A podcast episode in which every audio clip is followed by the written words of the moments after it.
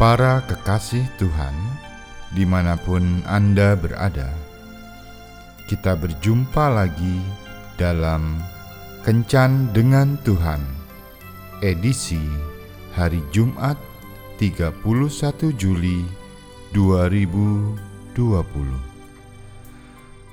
Dalam Kencan kita kali ini, kita akan merenungkan ayat dari 1 Petrus bab 5 ayat 7 Serahkanlah segala kekhawatiranmu kepadanya sebab ia yang memelihara kamu.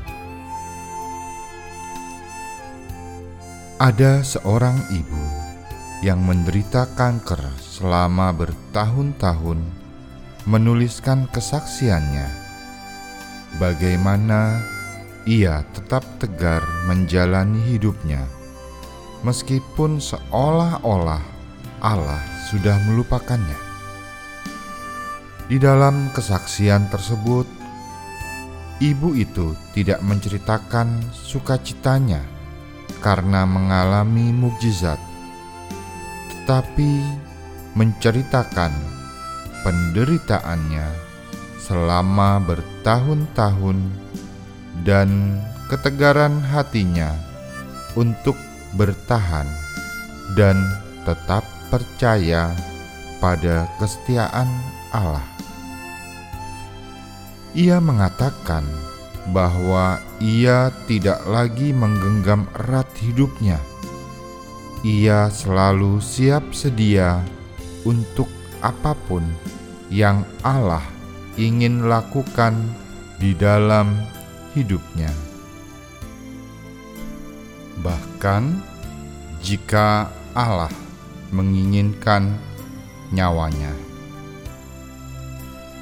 Meskipun kesembuhan yang ia inginkan tidak kunjung datang, tetapi ia selalu bersyukur dan menghadapi kenyataan hidup dengan tegar. Terkadang, ketika mengalami pencobaan, sebagian orang mulai menyalahkan Allah, orang lain, atau keadaan yang membuat mereka seperti itu.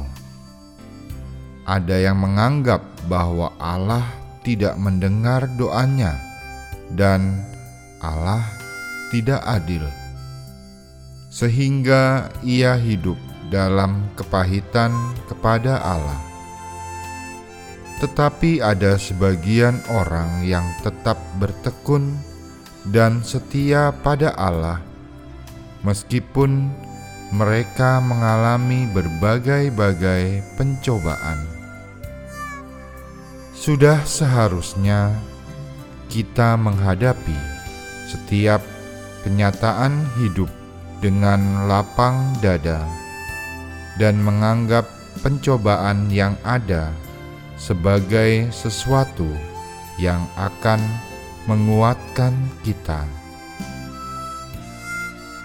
Dalam kondisi bagaimanapun, kita perlu mempercayai Allah sepenuhnya, termasuk mempercayai kebijakan-kebijakannya jangan pernah lupa bahwa Allah tetap mengasihi dan menginginkan hanya yang baik bagi anak-anaknya.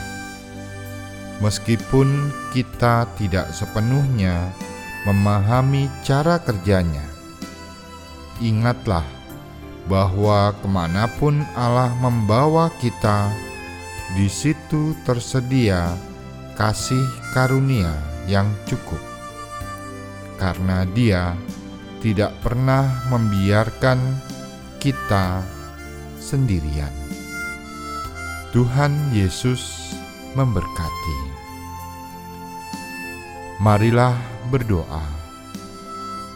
Tuhan Yesus, terima kasih karena dalam setiap pergumulan dan permasalahan hidupku Engkau selalu ada di dalamnya.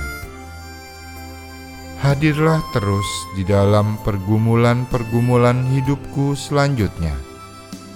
Kalau orang lain ditolong, pasti aku pun akan Engkau tolong. Secara khusus, aku membawa permasalahanku yang sangat menggangguku saat ini. Datanglah dan beracaralah di dalamnya. Amin.